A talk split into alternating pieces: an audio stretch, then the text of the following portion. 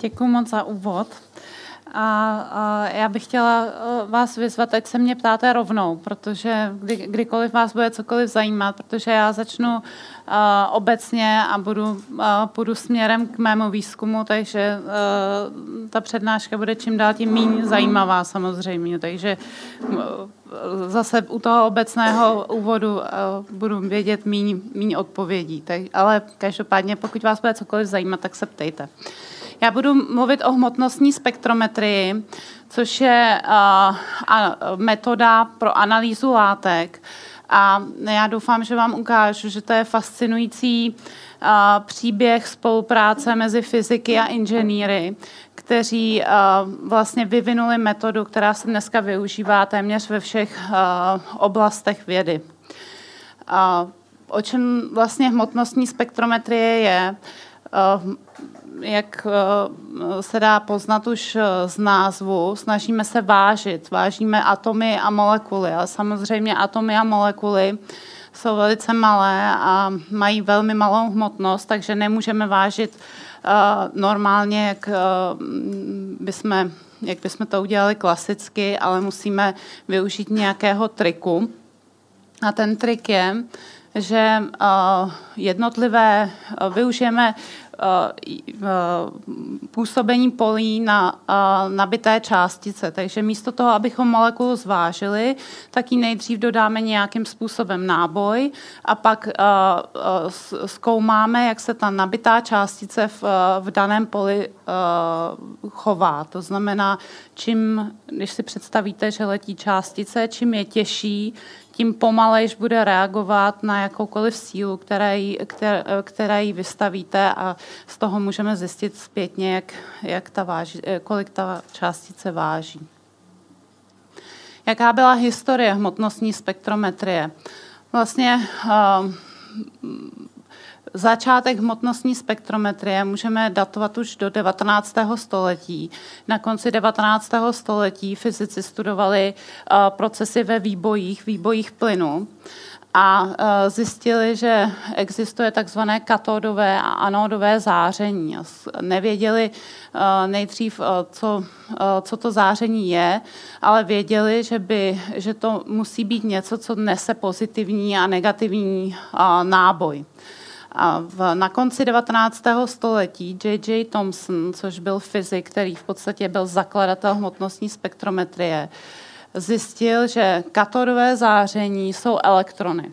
Postuloval, že něco takového jako elektrony existuje, že je to mnohem menší než atom, že pravděpodobně je to část, část nějaká součást atomu nese negativní náboj, zjistil, že všechny atomy mají stejné elektrony, což v té době bylo v podstatě revoluční myšlenka.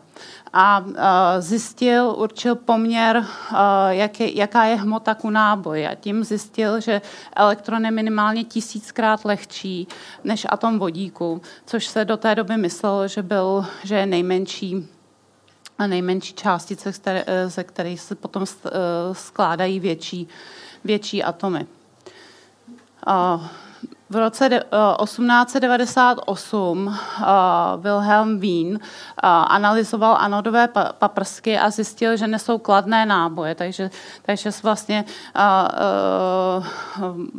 ta druhá protiváha proti elektronu. Zjistili, že, že existují částice, které teda dohromady tvoří atomy a ty, ty mají pozitivní, pozitivní náboje. A trvalo ještě dalších asi 14-15 let, než J.J. Eh, Thomson sestavil první hmotnostní spektrometr. A ten už vlastně využíval toho, že na na ty nábité částice působily elektrostatickým polem nebo magnetickým polem. Tady ukážu na dalším slajdu. A když, když nabitá částice probíhá magnetickým polem, tak na ní působí takzvaná Lorencova síla, která odchyluje její dráhu. A tohle je vlastně princip, princip toho, jak první magnetické, nebo takhle, takhle fungují hmotnostní analyzátory do dneška, ale ty první byly na tomto principu, takže měli velký permanentní magnet, vzali zionizovali vzduch v podstatě a teď na ty jonty, které urychlily nějakým elektrostatickým polem, působily magnetickým polem a dívali se na stínítko, kam dopadaly ty jednotlivé jonty. A samozřejmě, čím lehčí byl ten jon, tak magnet ho odklonil víc, odklonil tu dráhu a oni najednou zjistili, že, že se vzduch skládá ze spektra různých jontů a byli schopni jim teda přiřadit názvy. Zjistili, že to je dusík, kyslík, argon. A to, co se podařilo v roce 1912, to byl další průlom v podstatě ve fyzice, je, že zjistili, tohle prv, to první spektrum od Thomsona, že neon není jenom jeden jeden izotop, ale najednou, že neon se skládá ze dvou izotopů. Což bylo neočekávané, protože oni nevěděli, že by nějaký atom mohl mít víc forem než jenom jednu. Jo, takže uh, vlastně od roku 1912 se potom začala vyvíjet uh, celá oblast fyziky a potom chemie, která se věnovala izotopům. No a potom už nastal bouřlivý vývoj hmotnostní spektrometrie, protože první, první vlastně aplikace byly analýzy, analýzy plynů pomocí, pomocí právě magnetického sektoru nebo elektrostatického sektoru. První komerční hmotnostní spektrometr vznikl ještě za války, ale neměl za druhé světové války a neměl velký komerční úspěch. Ale druhá, druhá světová válka představovala zase obrovský vývoj hmotnostní spektrometrie a to proto, že byl takzvaný Manhattanský projekt, což, což byl projekt separace uranu 238 od uranu 200, 235 nebo 235 od uranu 238. A vlastně proto, aby oni získali nějaký přístroj, který by byl schopný získat poměrně velké množství toho uranu 235, tak museli ohromně inženýrsky vylepšit hmotno, ten hmotnostní analyzátor, homogenitu magnetického pole, ve kterém oni izolovali, izolovali ty jednotlivé izotopy. A vedlo to vlastně k vývoji hmotnostních spektrometrů, se kterými se potom pracovalo až někdy do 80. let. Takže to, je, to, to, to byla oblast vědy, která teda zažila zase obrovský rozvoj i, i během druhé světové války. No potom po druhé světové válce přišel další průlom, protože když vezmeme elektrostatické a magnetické analyzátory, se, kterým oni, se kterými oni začínali, tak to byly přístroje velké, které by zabrali celou tuto kavárnu. A samozřejmě tím pádem to bylo určeno jenom pro pár lidí, kteří si mohli něco takového dovolit. Byly to obrovsky drahé přístroje s obrovskou spotřebou energie a, a vyžadovali také velice a, edukovaný personál, který by to mohl uh, obsluhovat. Nicméně v 50. letech uh, byl vyvinut nový typ hmotnostního spektrometru, takzvaný kvadrupol a s ním příbuzná jontová pás. Kvadrupol je, je, je nakreslený tady. V podstatě se jedná o čtyři kovové tyčky, které můžou být takhle malé, na které, na které vkládáme střídavé a stejnosměrné napětí. A, a při dané kombinaci toho střídavého a stejnosměrného napětí vždycky jenom jeden ion s určitou hmotou je schopný projít uh, celým tím kvadrupolem. Ostatní neprojdou, nemají stabilní trajektorie a vypadnou ven. Takže když vlastně měníte postupně to stejnosměrné a střídavé napětí, tak zase změříte celé spektrum. Přístroje najednou začaly být malé, levné, takže se začaly hrozně rozšiřovat do všech laboratoří a, a začaly masivně a, mít masivní uplatnění v analytické chemii a v organické chemii. Takže, a, teďka a, ukážu vlastně, jakým způsobem to v chemii používáme hmotnostní, hmotnostní spektrometry. Jak jsem říkala, analyzujeme jonty, to znamená, Normální molekuly jsou neutrální. V roztoku nebo uh, ve vzduchu máte neutrální uh, molekuly, případně atomy. Takže je nutné nejdřív nějakým způsobem uh, ionizovat dané molekuly. Nejjednodušeji to děláme tak, že do nich narazíme s velkou energií buď fotonem nebo elektronem. A to si můžete představit jako, uh, jako nějaké vlákno, jak máte v žárovce, to, které je z wolframu nebo z rénia, z nějakého vhodného kovu.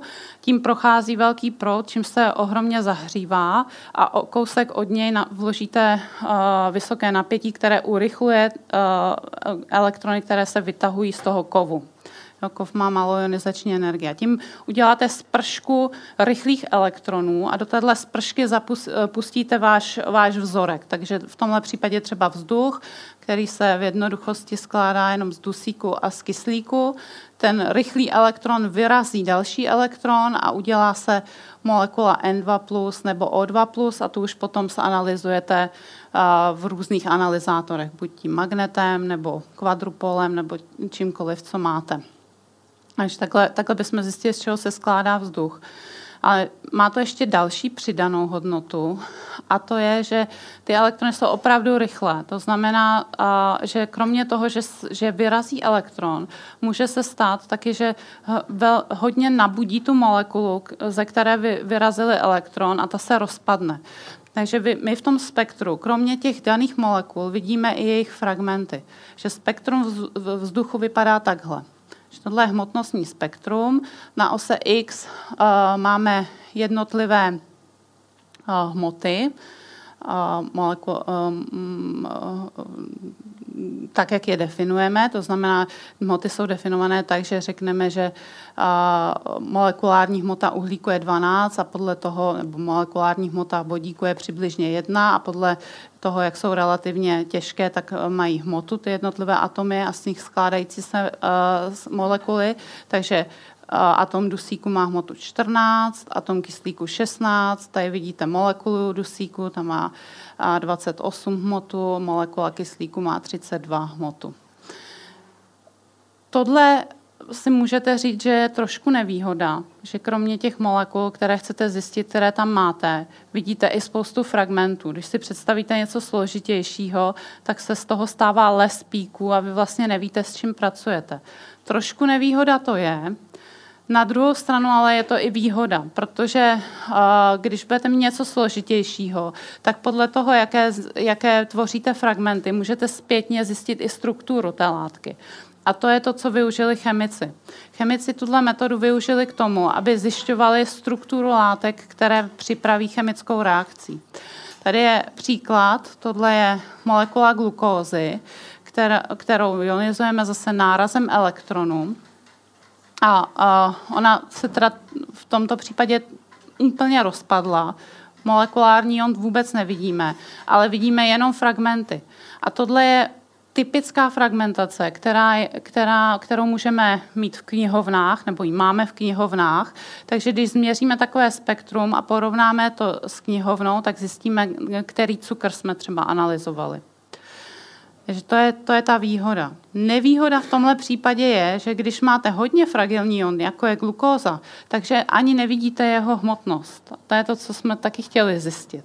Takže na to zase chemici vyvinuli jinou metodu, aby si ty svoje ionty nerozbíjely, tak kromě takzvaných tvrdých ionizací, to znamená takových, které dodávají hodně energie iontům, vyvinuli ještě měkké ionizace. A to, to, je, to je příklad tady. Tady vidíte to spektrum úplně stejné látky, téměř žádné fragmenty a jedině, co, jediné, co vidíme, je protonovaná glukóza. Já, já se hrozně bojím tady, vy jak sedíte přede mnou, já, já na vás občas svítím laserem, nesmíte se na mě dívat, nebo vám vypálím oko, musíte pořád, já se snažím jako být nad vaší hlavou, ale jenom abych vás na to upozornila. Takže a dělá se to tak, že stejně eh, toho iontového zdroje, kde jsem říkala, že, eh, že máte to žhavené vlákno, z kterého vyletu, vyletují elektrony, tak kromě té vaší látky, kterou tam zavedete, což by byla v tomhle případě glukóza, zavedeme ještě jinou látku, v tomhle případě vodu. Ale tu vodu zavedeme ve velkém nadbytku, to znamená, glukózy mám třeba jenom jedno promilé a vody mám opravdu většina molekul, které tam jsou, jsou voda. A co udělá ten elektron, který je vyražený z vlákna, narazí do vody. Ionizuje vodu, udělá H2O+, ta reaguje s další vodou, udělá takzvaný hydroxoniový kation, který velmi snadno protonuje. Takže to, co my vidíme, je protonovaná uh, molekula glukózy, tím pádem já přesně vím, kolik má hmotu moje látka a když se vrátím k tvrdé ionizaci, tak vím, že to je, že to je glukóza, že to třeba není fruktóza nebo manóza nebo nějaká, ně, nějaký jiný cukr. No, takže tohle je princip, a, a, jakým využívají hmotnostní spektrometry chemici k charakterizaci látek. Takže tady je, tady je příklad, udělám syntézu, a, a, Samozřejmě v syntéze vždycky máte nějaký postup, vyrobíte nějakou molekulu a musíte zkontrolovat, jestli je to to, co si myslíte. A na to je, na to je x různých metod, ale jedna z hlavních je právě hmotnostní spektrometrie, protože ta vám dá hmotu, takže víte, že jste vyrobili látku, která má stejný počet uhlíků, který chcete, a vodíků a kyslíků v tomhle případě. A z, a z tohohle takzvaného fragmentačního vzoru zjistíte, pokud je eh, tato látka tabelovaná, že to je, eh, že to je opravdu, opravdu tato látka.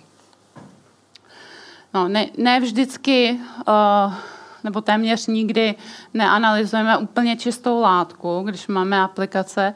Většinou máme nějaké směsky. A když si představíte, že bychom měli směsku různých látek, teď bychom všechno najednou ionizovali a dostali spektrum, tak dostaneme pík, to znamená signál na úplně každé hmotě. A není to, to, to by nebyla užitečná metoda. Takže v, a zhruba v 50. letech začaly vlastně a, hmotnostní spektrometry spojovat s takzvanou chromatografií. A to je, to je, když si představíte jako sloupec, v tom sloupci máte něco jako písek, kterým proléváte svoji látku a, eh, nebo směs těch látek a každá ta látka má trochu jiný tvar, jinak rychle se pohybuje, tou náplní té směsi, takže se podle tvaru rozdělí a vy dostáváte jednotlivé frakce, které vy, vlastně vytékají z toho sloupce. A teprve ty frakce potom zavedete do hmotnostního spektrometru a analyzujete. Když na nějakou aplikaci, tak například Typická aplikace z lékařství nebo ze sportu je dopingová kontrola, která se dělá pomocí hmotnostní spektrometrie. Že jak, to, jak to vypadá? Tohle je dopingový test na amfetamin, takže sebereme vzorek, což v tomto případě je moč. A samozřejmě neuděláme to, že bychom moč vzali a rovnou ionizovali a koukli se na úplně všechno, co tam je, protože to, to by asi tomu nikdo nerozuměl. Takže první věc, kterou uděláme, je, že uh, extrahujeme jenom danou skupinu uh, takovýchto látek s, uh, s tím, že promícháme, dejme tomu tu moč s, s, s nějakým nepolárním rozpouštědlem a pak tu frakci, v které máme ten daný typ látek, právě napíchneme na takovouhle kolonu no, která tady je nakreslená jenom jako, jako taková, taková spirála. Tím se rozdělí, takže z té kolony nám v čase, tohle jsou minuty, vycházejí různé frakce látek a, a každou tu frakci potom hned zavedeme do hmotnostního spektrometru a získáme, a získáme hmotnostní spektrum. A tady, tady tohle je pozitivní test na amfetamin, protože vidíte, že už z toho chromatografu vychází pík, který podle retenčního času máme podezření, že by to mohl být, že by to mohl být amfetamin a když změříme jeho hmotnostní spektrum, to znamená charakterizujeme ho, tak, tak vidíme, že hmota té Eh, té látky 134 odpovídá amfetamínu a fragmentační eh, rozdělení nebo ten fragmentační vzor je přesně tak, jak bychom odpovídali, jak bychom očekávali pro amfetamin. Tak, to, takže tohle je eh, využití v organické chemii na charakterizaci látek. Další uh, ohromný boom v hmotnostní spektrometrii nastal v 90. letech a vlastně pokračuje dodnes. A nastal proto, že byly objeveny nové metody. Teď, teď vlastně to jsem říkala doteď, tak jsme museli vždycky tu látku vzít, nějakým způsobem jí uh, dát, teď ještě bych měla říct, že v, hmotnostní, hmotnostním spektrometru, když si představíte, lítají ionty v nějakém magnetickém poli nebo elektrostatickém poli, tak samozřejmě tam musíte mít vákuum. Nemůžete tam mít vzduch nebo nemůžete tam mít jiný plyn, protože by se srážely ty molekuly s plynem a to rozdělování by nefungovalo. Takže my, co vlastně musíme udělat, je vzít tu látku a dát ji skoro do vákua, odpařit ji a ionizovat. No a to není, to není kompatibilní s, s, eh, s látkama, eh, s biochemickými, s biochemickými látkami nebo látkami, které jsou zajímavé pro, eh, pro biologii, jako je DNA nebo proteiny. Ty nikdy neodpaříte do, do vzduchu. Jo. Takže v, v těch 90. letech oni objevili metodu, jakým způsobem dostaneme ty velké látky také také do vákua. Ty, ty metody se jmenují elektrosprejová ionizace a MALDI, což je anglicky Matrix Assisted Laser Desorption Ionization. A, a to, tohle článek třeba, který napsal John Fenn, který zavedl ESI po té, co dostal Nobelovu cenu, se jmenuje Létající uh, sloni. Jo, protože oni tím byli schopní vlastně přenést do té plynné fáze tak obrovské molekuly, o kterých by se uh, fyzikům a chemikům mm, předtím ani nezdálo. A dělají to tak, že uh, udělají rostok, to znamená tu látku, kterou uh, chcete ionizovat, uh, nějaký třeba uh, protein můžete rozpustit v rozpouštědle a celý ten rostok zavádíte kapilárou do, do oblasti toho hmotnostního spektrometru. Tím, jak tady to je, tady to je ještě rostok a konec kapiláry. Z té kapiláry, když, to, když vlastně se dostanete do tohle prostoru, tak tam najednou máte obrovský tlakový gradient. Tady odčerpáváte pumpama a, a máte, tady, máte tady velice nízký tlak. To se stane, že, že, že ta kapalina se rozpráší na kapičky, to je první věc. A druhá věc je, že tady je obrovské napětí. Sem vložíte Eh, typicky 4 kV, 5 kV napětí, takže ty kapičky se nabíjí. A tež nejdřív vzniknou velké nabité kapičky a ty směrem postupujete do hmotnostního spektrometru, se zmenšují tím, jak se odpařuje rozpouštědlo. Tím, jak se odpařuje rozpouštědlo, tak ty nabité kapičky se zmenšují, to znamená, že mají větší koncentraci náboje až do nějakého kritické velikosti, kdy už ten náboj neunesou a rozpadnou se ještě na menší kapičky. Tímhle tím způsobem, když dojdete sem, tak už máte jednotlivé ionizované molekuly, to znamená, že ionizovat celý protein a, a poslat do, ho do hmotnostního spektrometru. To je elektrospray a potom existuje teda maldy. Maldy tu vaši látku dáte, smícháte s nějakou matricí, a to je jiná chemická látka, ale která je tam jenom podpůrná a dáte ji na destičku a, a vlastně to za, zaschne, takže tam je jenom taková tečka s látkou a e, posvítíte na, na tu danou tečku laserem. Ten laser e, ionizuje tu podpůrnou látku a zároveň, uh, zároveň vlastně vypaří nějakou spršku té látky s, s tou podpůrnou látkou do, zase směrem do toho hmotnostního analyzátoru a z té podpůrné látky dojde k přenosu náboje na tu vaši látku a zase s, tímhle způsobem jsme schopni nějaké mm, ohromné molekuly dostat do hmotnostního analyzátoru.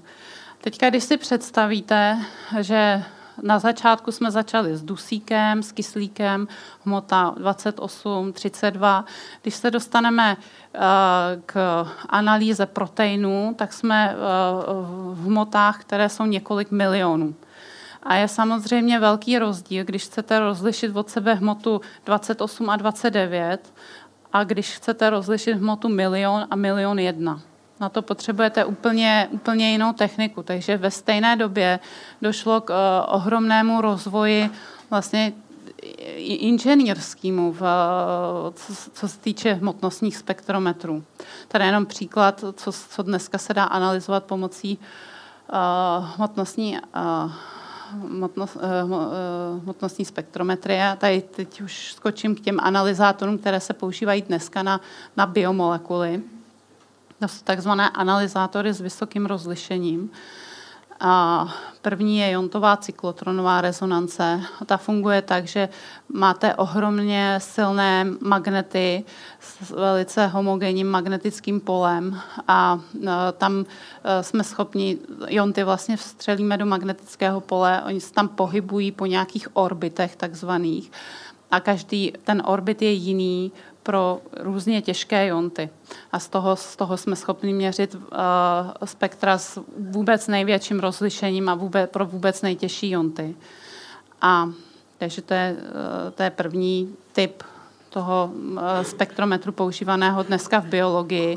A druhý typ, což si myslím, že je druhá další revoluce vedle elektrospreje a maldy v hmotnostní spektrometrii, je Orbitrap. Ten byl zavedený na trh v roce 2005 a zase vedl k ohromném, ohromném explozi prostě u uplatnění hmotnostní spektrometrie vlastně v těch aplikovaných vědách, v biologii a v medicíně.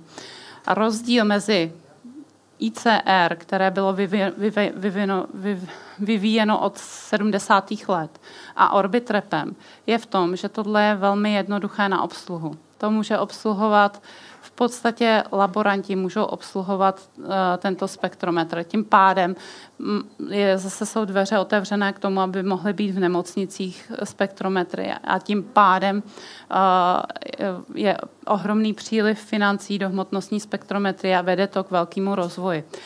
Když to u těchto přístrojů potřebujete velice edukovaný personál, takže te, tyhle přístroje ty nikdy nepovedou k rozšíření uh, Eh, velkých aplikací. S, nimi se dá dělat eh, krásný výzkum, ale nebudou, podle mě nikdy nebudou třeba v nemocnicích standardně, protože to prostě uh, není, není jednoduché obsluhovat. No, to je, tohle je jenom ukázka, to, takovýhle hmotnostní spektrum. Když se podíváme, to bychom byli třeba schopni změřit uh, pomocí magnetu, ale tady uh, nebo to je, to je tady. Tady, když uděláme zoom orbit repem, tak v, ka, v každém tomhle píku je ještě x takovýchhle píků a v tomhle malém píku je zase x takovýchhle píků a tím pádem, když má takovýhle možnosti, tak můžete opravdu měřit uh, molekuly s hmotností několik milionů. No, dneska se používá hmotnostní spektrometrie uh, v biologii, tam bych řekla, že teďka výzkum co s uplatněním hmotnostní spektrometrie je důležitější než, než v chemii. Fyziku už hmotnostní spektrometrie opustila, bych řekla úplně.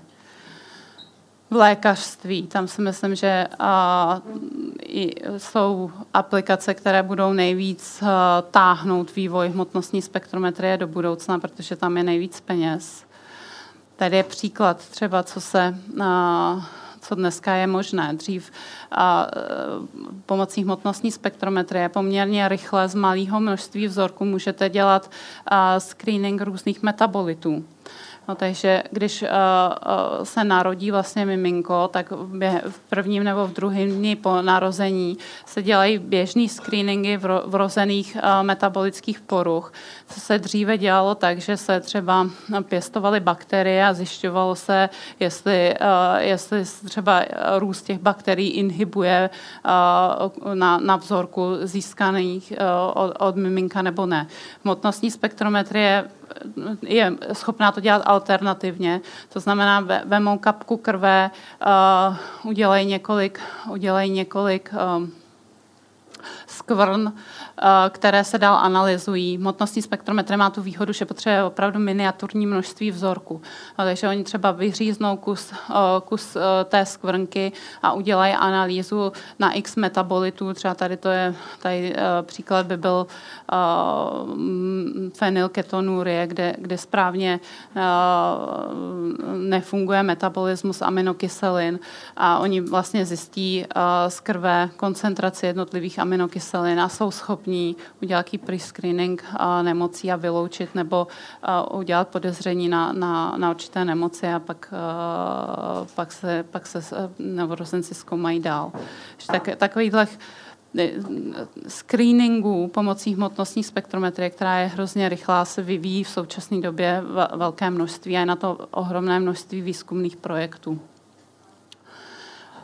Samozřejmě hmotnostní spektrometrie se používá v analýze vzduchu, a používá se k sledování tvorby aerosolů, genových mutací v rostlinách, jenom ukážu další aplikace v potravinářství, kontrola kvality potravin. Samozřejmě to je naprosto triviální uh, způsob aplikace hmotnostní uh, spektrometrie. Když se podíváte třeba na analýzu oleje jakéhokoliv, tak pomocí hmotnostní spektrometrie hned zjistíte nejen, nejen z čeho se ten olej skládá, ale dost často jsou schopni zjistit i z které oblasti ten olej opravdu pochází podle, podle, podle složení toho vzorku pomocí hmotnostní spektrometrie.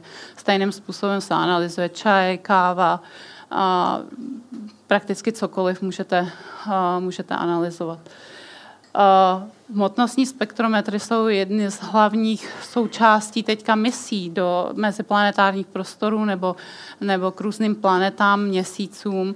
Já jsem si vybrala příklad teďka Rozety, protože to je, to je mise Evropské European Space Agency, Evropské kosmické agentury, a, k, která je, k, ty, ty se rozhodly zkoumat komety, protože komety jsou přitažlivé, či uh, lítají od planety k planetě, můžou přenášet uh, různé vzorky, různé chemikálie. Takže, mm, takže se rozhodli teda zkoumat kometu. Vyšlo to na kometu Churyumov-Gerasimenko. A v podstatě v posledních dvou letech, myslím. A Rosetta vysílá, vysílá informace o, o téhle kometě. Rosetta má na sobě dva hmotnostní analyzátory, tohle je jeden z nich, ten se jmenuje Rozína. A je to analyzátor s vysokým rozlišením, to znamená, oni jsou se schopní poměrně přesně analyzovat složení těch jednotlivých plynů. A vlastně Rosetta jako taková letěla, letěla tady s tou kometou a teď ji sleduje tak, jak se kometa přibližuje k Slunci.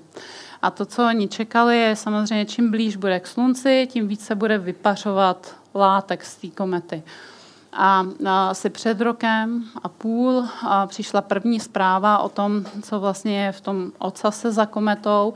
A původně očekávali, že tam bude oxid uhličitý, oxid uhelnatý a voda, že neočekávali vypařování víc látek, protože teplota ještě, ta kometa je hodně vzdálená od slunce a je nízká teplota, ale už tenkrát tam objevili i metán, metanol a čpavek což uh, bylo překvapivé. Nepředpokládali takový, tak, takovou koncentraci těchto plynů na, na, na té kometě. No a zhruba teďka v, po, v posledních měsících přišla nová zpráva a, a, a vlastně četla článek, který se jmenoval Jak voní tahle ta kometa.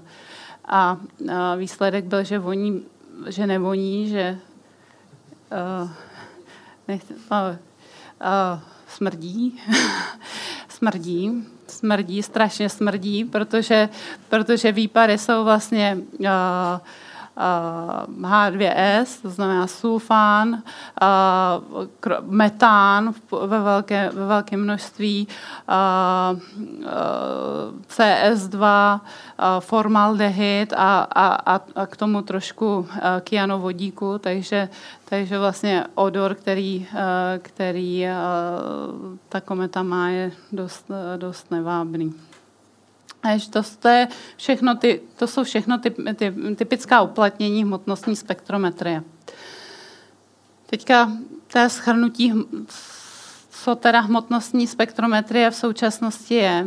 Je to určitě nejrychleji, nejrychleji, nejrychleji se rozvíjející analytická metoda. Je nejrychleji rozvíjející se, co se týče financí. Takže o, ohromný, ohromný obrat, protože vlastně se prosazuje do všech uh, různých oborů.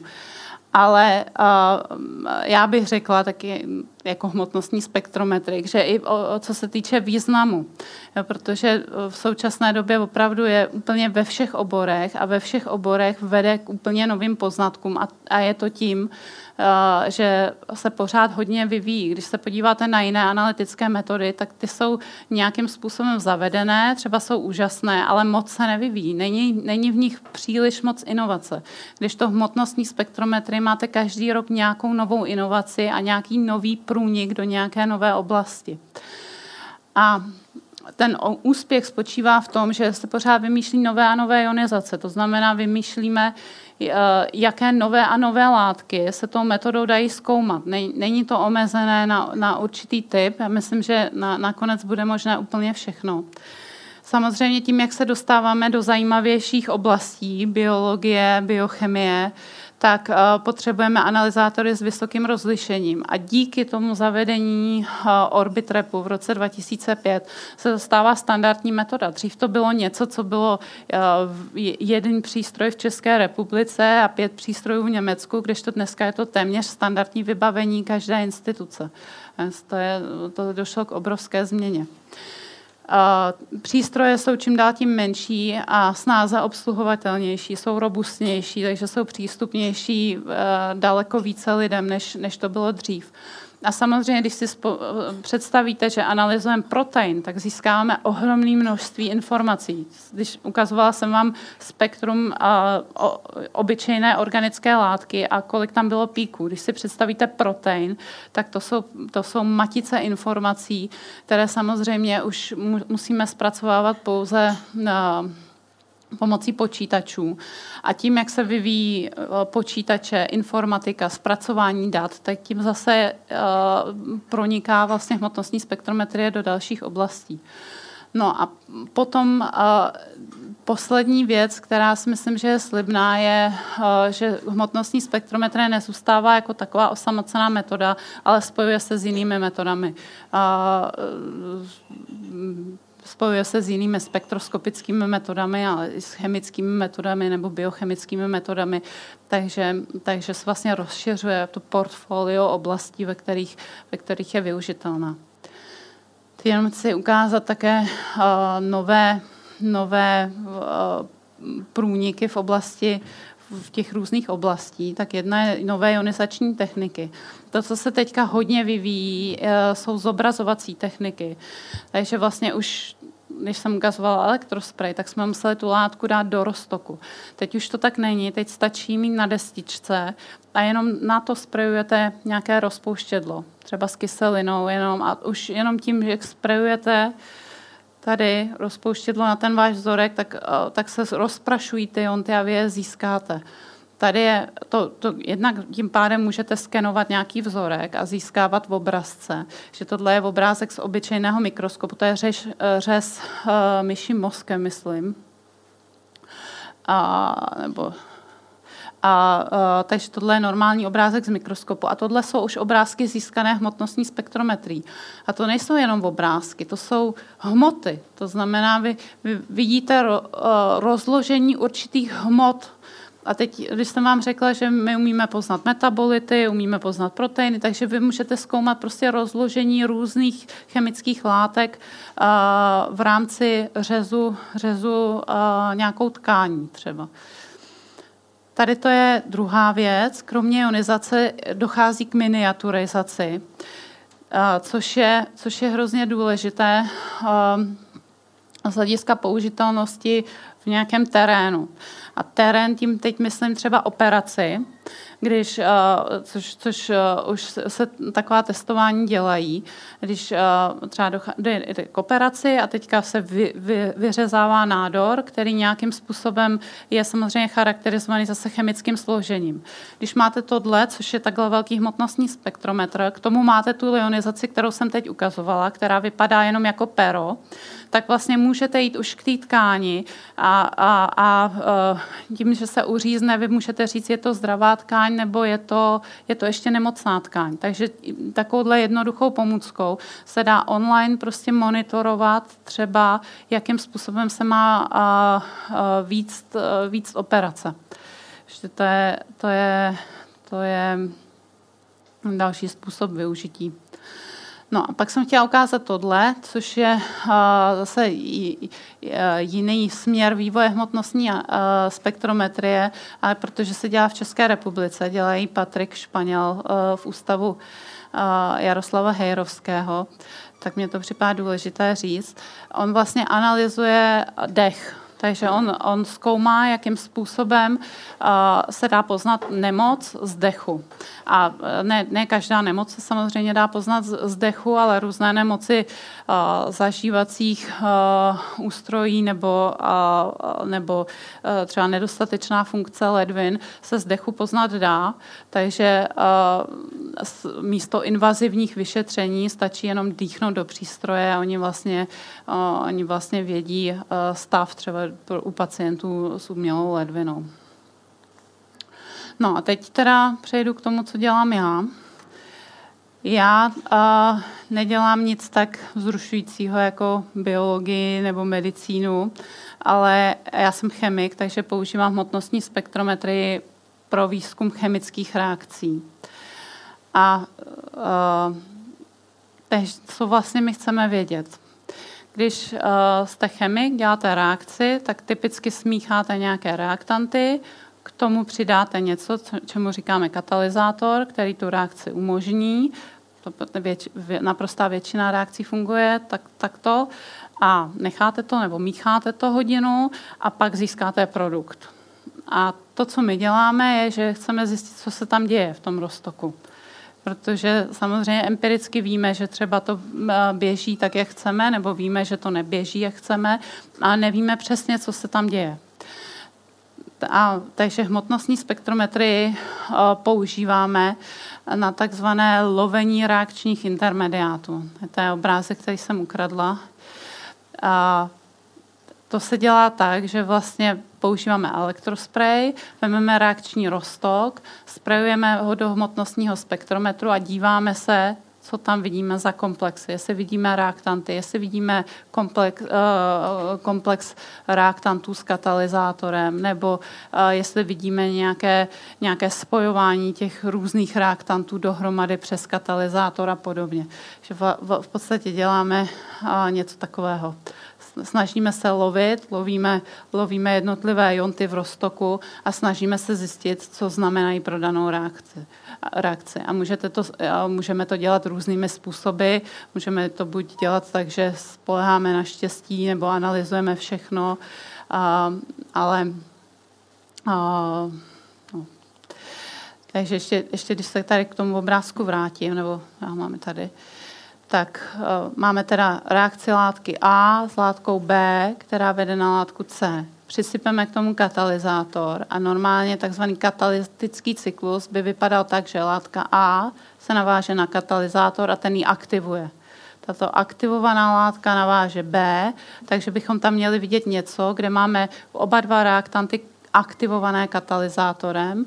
Tomhle aktivovaném reakčním komplexu dojde k reakci mezi A a B, takže bychom měli vidět uh, komplex toho katalyzátoru už s produktem.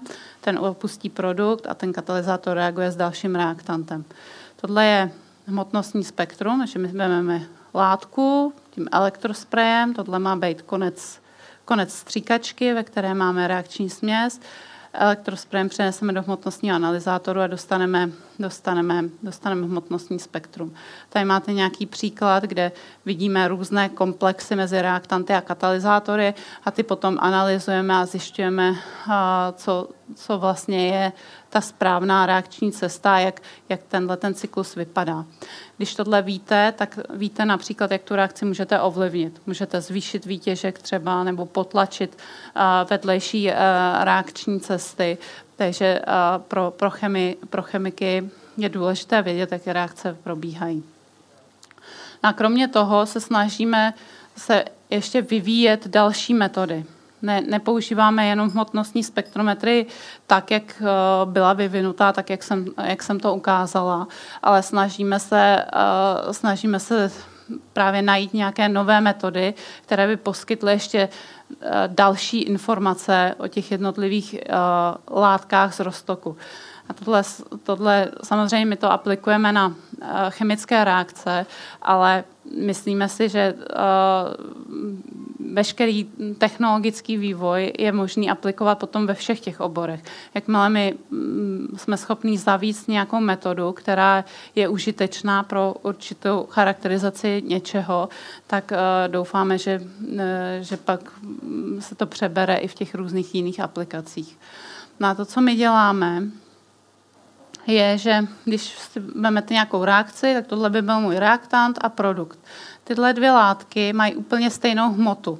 Liší se v tom, jaké jsou tam reak, eh, vazby. Že tady mám takzvanou trojnou vazbu, dvojnou vazbu, když to v produktech mám dvě dvojné vazby a jiný, jiný vazby. A využíváme toho, že ty jednotlivé vazby vybrují.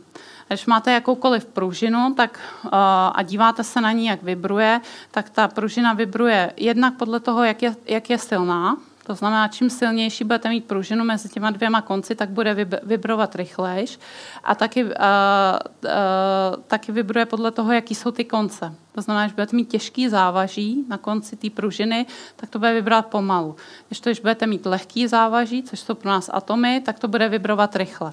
Takže vlastně vibrace je charakteristická pro každou vazbu. Každá vazba mezi atomy charakterizuje, co to je za atomy a co to je za vazbu. Takže my se snažíme, kromě toho celé hmotnostní spektrometrie, se dívat ještě na, na, na, na tyto vibrace.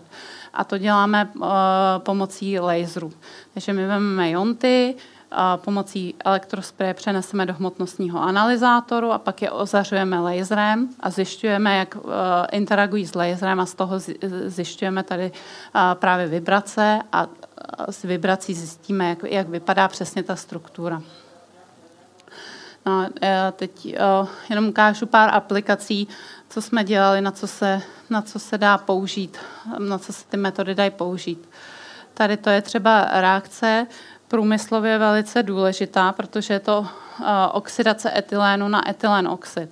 Etylen jako takový není příliš užitečná látka. Vždycky potřebujete nějakým způsobem derivatizovat, abyste z ní potom mohli dělat užitečné pro, pro, produkty chemické. A první krok, když získáte z ropy látky, první krok je většinou nějaká oxidace. A vy děláte alkohol nebo něco podobného z, z uhlovodíku. No, takže s etylenem, etylen se taky oxiduje a oxiduje se na stříbrném katalyzátoru. A dělá se to tak, že vlastně e, nějaká, je to průtokový reakta, re, reaktor, takže v tom průtokovém reaktoru máte katalyzátor, což je to stříbro a přes to stříbro ženete velkou rychlostí etylen, eh, etylén a na konci sbíráte produkt, což je etylen oxid. Etylen vypadá takhle, etylen oxid vypadá takhle. Tato reakce má ještě vedlejší reakci a to je spálení. A může dojít k totálnímu spálení toho etylén, etylénu na oxidy uhlíku. A to samozřejmě nechceme. Takže my jsme vlastně chtěli zjistit, jakým způsobem jsme schopni zabránit tomu spálení. Jo, a, a, takže jsme udělali celý ten proces, co jsem vám ukazovala. Lovili jsme intermediáty pomocí elektrospreje, charakterizovali jsme je a zjistili jsme, že, že ta reakce probíhá tak, že se etylen vlastně koordinuje na, to, na ten stříbrný katalyzátor, který je částečně naoxidovaný, takže tam jsou atomy kyslíku, kterými potom oxidujeme ten etylén, dojde k tvorbě takového intermediátu a odsud buď můžete se, může se tvořit etylén oxid nebo takzvaný acetaldehyd. A když se, tato reakce je rychlá, ale tato reakce je energeticky výhodná. A to je, to je problém. Takže je sice pomalejší, ale je výhodnější. A a když tahle ta výhodnější reakce nastane, že se vytvoří acetaldehyd, tak ten je polární, zůstane, ten ne, se neodpaří z toho stříbra, zůstane na stříbru a tím pádem dojde k další, další oxidaci a, a, a spálení na oxidy, oxidy uhlíku. No a to, co my jsme zjistili, že vlastně nejde, to, nejde cestě zabránit, protože vždycky to jde přes společný intermediát, přes který prostě musíte jít. Že jedinou věc, kterou můžete udělat, je dělat tu reakci tak, aby byla rychle, abyste nedali možnost té reakci udělat jí pomalu, protože jakmile má dost času, tak jde výhodnější cestou a to je to spálení. No, takže to je, to je jeden příklad. Tady druhý příklad, já nevím, jestli nejste už unavený, já už mluvím dlouho, že jo? Tak pak dáme prostor pro dotazy, ještě jo. dokončete. Tak já, já, já, já to přeskočím k, k nějakému uh, poslednímu příkladu. To je uh, struktura benzénu. Benzén asi každý znáte. Klasický benzén, uh, ten byl, uh, struktura benzénu byla na, navržena v roce 1865. Uh, navrhnul jí chemik Kekule a, a navrhl, že to je šestičlený uhlíkatý cyklus se střídajícími se dvojnými a jednoduchými vazbami a každý uhlík nese jeden vodík. V chemii to někdy uh, kreslíme takto, protože ty dvojné vazby můžou být kdekoliv a jednoduché, takže abychom naznačili to, že můžou oscilovat, tak, uh, tak kreslíme jenom kroužek. To je jenom, tady ten obrázek jsem tam dala pro zajímavost, protože Kekule asi při oslavě 20. výročí určení struktury benzénu měl přednášku, a kde, se, kde vlastně měl odpovědět na otázku, jak přišel na to, že benzén vypadá, jak vypadá. A on říkal, že den předtím, než na to přišel, měl sen. A ten sen byl o hadovi, který se kousal do, do, do ocasu a při tom snu ho vlastně napadlo, že to je cyklická struktura. Takže takhle, takhle ke kule objevil benzén. No, potom zhruba o sto let později studovali strukturu jedno nabit, jednou nabitého benzénu. To znamená, když benzénu, tady je tyhle ty dvojné vazby znamenají, že, že kolem benzénu je cyklus šesti elektronů, takzvaných pi elektronů, protože jsou nad rovinou a pod rovinou toho kruhu. Když z toho kruhu odstraníme jeden elektron, co se stane se strukturou? A oni přišli na to, že ta struktura zůstane stejná v podstatě. On se trošku deformuje, ten cyklus, ale ta deformace fluktuuje a je ta, ta fluktuace je tak rychlá, že už, už při uh, 0 kelvinů je zase ta, uh, ta uh, struktura symetrická. No a my jsme loni studovali, co se stane, když, když odstraníme dva elektrony z toho cyklu šesti elektronů a zjistili jsme pomocí právě spektroskopie, protože samozřejmě tohle všechno má stejnou hmotu, takže nemůžete, a, a ten látka je tak malá, že ne, ne, nejste schopni dobře určit z fragmentačního vzoru, jak vypadá. Takže my jsme právě použili tu spektroskopii, kde jsme se dívali na síly vibrací jednotlivých vazeb a zjistili jsme, že a dikation vypadá takhle. Takže už to není šestičlený kruh, ale je to pětičlený kruh a s, s jedním uhlíkem ve vrcholu, takže je to taková pyramida. Tak jo, na konci bych chtěla poděkovat svým studentům a, a, a, a lidem, kteří mi pomáhali. A hlavně, co bych chtěla zdůraznit, Evropské výzkumné radě, protože tam mi umožnila, abych vůbec dělala tenhle výzkum a, a udělala všechno to, co jsem udělala v posledních pěti letech. Vám za pozornost. Děkuji moc.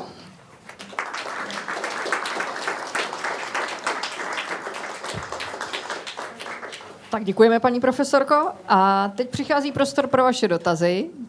A já se zeptám, máli už někdo připravený dotaz a poprosím vás, abyste zvedli ruku, abychom k vám mohli dopravit mikrofon.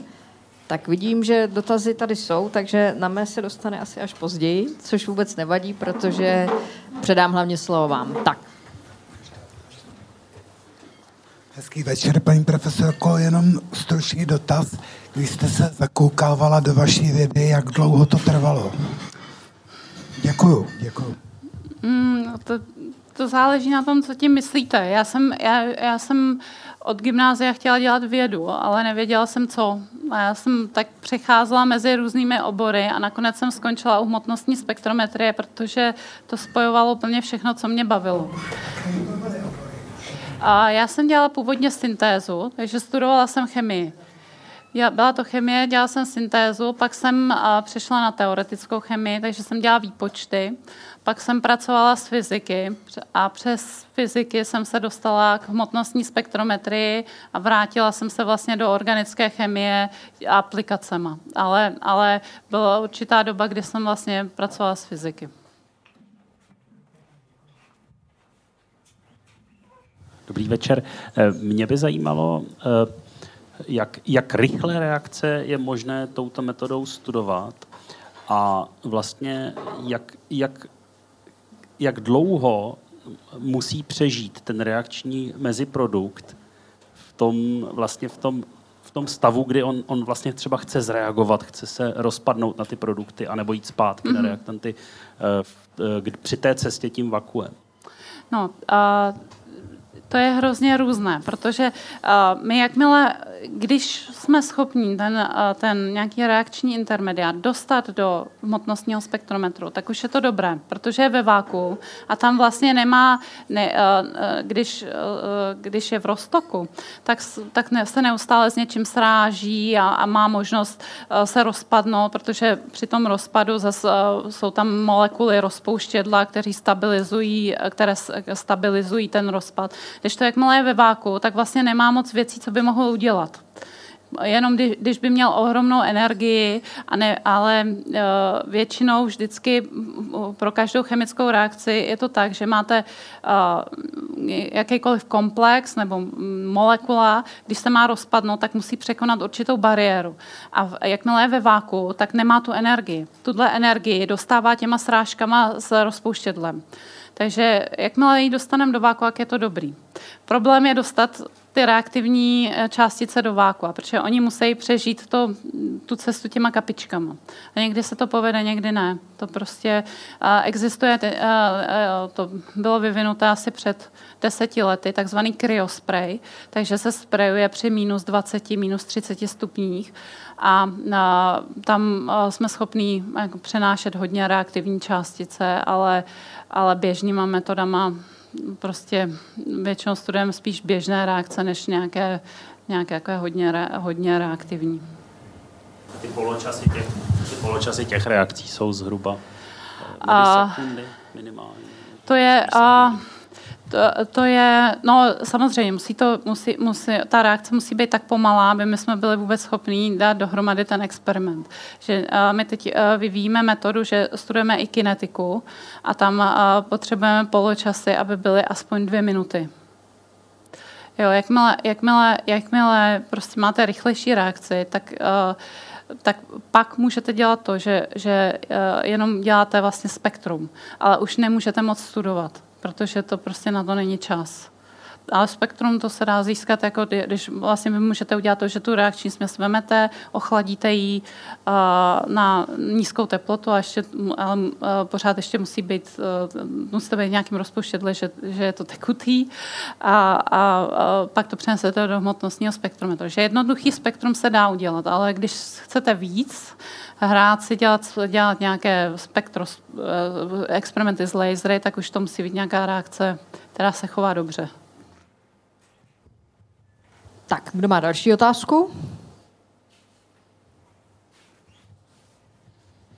Lasery jakých vlnových délek používáte? My používáme infračervené lasery.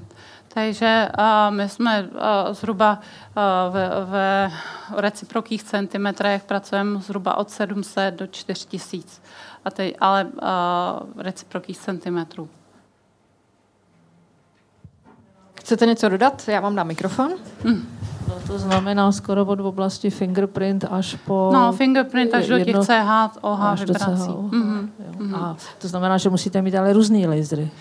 Uh, no, uh, laser je špatný slovo. My máme OPO, optický paramagnetický oscilátor, takže my máme nějaký budící laser a z toho si vlastně připravujeme fotony, které potřebujeme. Já mám takovou lečtější otázku. Eh, jak vypadá váš pracovní den? To je taková naše tradiční otázka tady na Science Cafe, abychom eh, lépe porozuměli tomu, jak vlastně pracujete. Tak jak vypadá váš pracovní den? Jak kdy?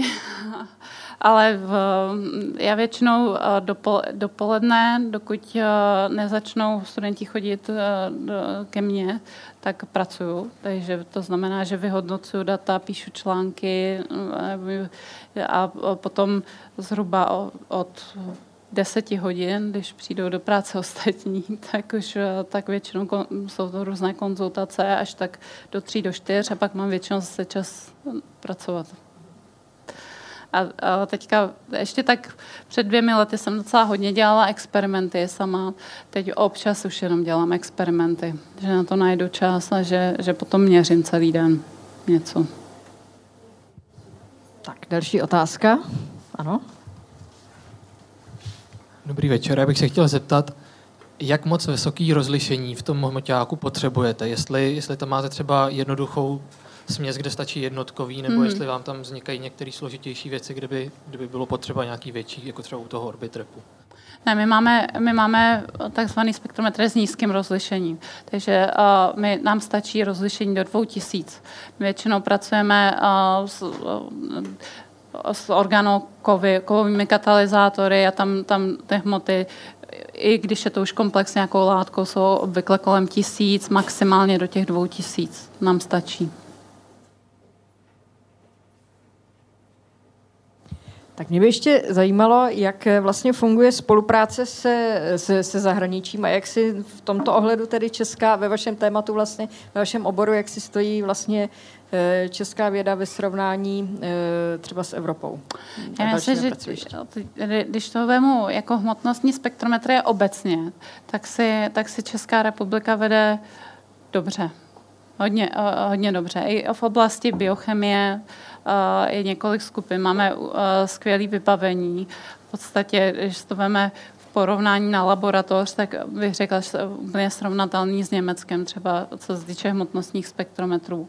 Takže to, je, to se nemáme vůbec za co, za co stydět. No. A já, a já já spolupracuji s profesorem Gerlichem, což je Němec, a to je člověk, který vlastně vyvinul oktupóly, kvadrupóly, vlastně všechny ty všechny takové pomocný, pomocný součástky, které vodí jonty a, a spoustu jontových pastí. A s ním vlastně jsem postavila právě ten přístroj na, na ty naše speciální experimenty.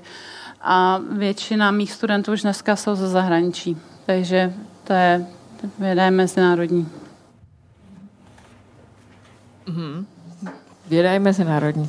Já teď přemýšlím, jestli, jestli vlastně všechno v tomto oboru, jestli pracujete tady nějak společně v laboratoři, nebo, nebo když, když mluvíte o tom mezinárodním eh, rozměru, tak eh, si vyměňujete třeba výsledky napříč různými pracovišti, nebo jak, jak to vlastně chodí, když máte no, eh, tak tolik kontaktů? Uh, tak to, to, to, profesorem Gerlichem a s ostatníma pracujeme tady, ale eh, já studuju chemické reakce, to znamená většinou eh, spolupracuju s lidmi, kteří vyvíjejí eh, reakce, to znamená, to jsou se syntetičtí chemici, kteří vyvíjejí nové metody a chtějí vědět, jak to funguje. Ty jsou ze zahraničí a to funguje tak, že většinou se nějakým způsobem potkáme na konferenci nebo na nějaké přednášce, oni mě kontaktují a pošlou mi vzorky. A my je potom studujeme, pošleme jim výsledky, nebo spolu pak přes, přes internet připravujeme, připravujeme publikace a podobně. Tak má ještě někdo nějakou otázku? Neváhejte využít téhle příležitosti. Tak ano.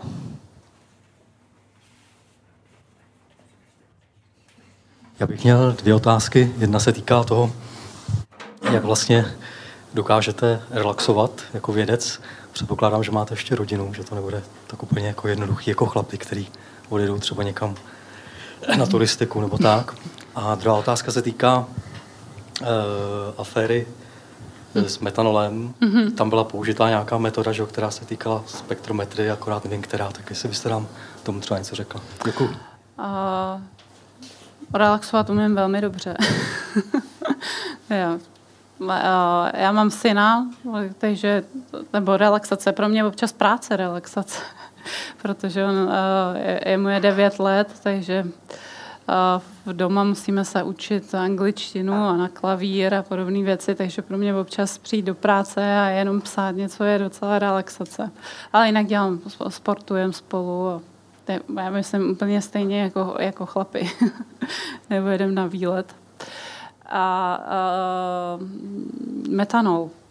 Metanol, uh, já, uh, samozřejmě to se dá jednoduše uh, studovat nějaká chromatografie a hmotnostní spektrometrie, ale myslím si, že na to stačí jenom chromatografie.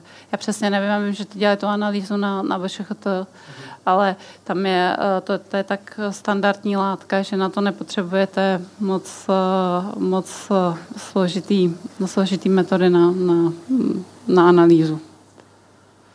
Mhm. Myslím, že to byla Ramanova Nebo Raman, no ale Ramanova spektroskopie. Hmm. Hmm. Tak, vy jste měl ještě dotaz, je to tak? Teda jako by ještě úplně z, z vnějšku řekněme, jak často eh, vy na vaší akademické půdě narážíte při debatách s kolegy na, na problém eh, teda strašlivě bojícího nebo strašlivě bojících projevů nevzdělanosti. Ono teda ve vašem oboru to zrovna nepadá moc v úvahu, protože jste hodně specifičtí. Ale já z toho mám úplnou hrůzu, když vidím na internetu, co všechno bojí tak mě zajímá, protože já v podstatě nejsem z akademického prostředí. Jak často vy na to mezi vámi, profesory, studenty a tak dále narazíte? Na to nevědomostní šílenství. Strašně, strašně často. Třeba, no tak s kolegy, to bych nechtěla říct, že u kolegů narážím na nevědomosti, to ne, ale u studentů, u studentů hlavně, co mě překvapuje, je, že naprosto většinu studentů nezajímá, co studují. To je prostě, to je obecný, obecný jev. To znamená, nevím, v ročníku z deseti lidí dva zajímá chemie a osm studuje chemii z pro mě, z pro mě neznámých důvodů. A podle toho to taky vypadá. Tak a poslední dotaz bude nějaký víc optimistický, aby jsme neskončili tím, že, že studenti neví, proč, proč studují daný obor. Tak eh, něco veselějšího na, nakonec. Eh, taky, mě by, mě by zajímalo vlastně taky taková otázka, která není moc odborná, ale eh, eh, kdy máte vlastně z vaší práce největší radost? Co vás na tom nejvíc baví? Kdy jsou ty, eh, ty, ty okamžiky, kdy vám to zkrátka dělá největší radost? Když přijdeme na něco nového, nebo když se něco povede, když je, když je, když je nějaký projekt, něco vymyslíme, a, a pak se nám to skutečně podaří udělat. Protože dost často je to tak, že třeba, třeba projekt ERC, který jsem dostala, tak jsme něco vymysleli, ale samozřejmě to tak nefungovalo. Takže jsme museli udělat spoustu jsem ho musela celý změnit během, během těch pěti let.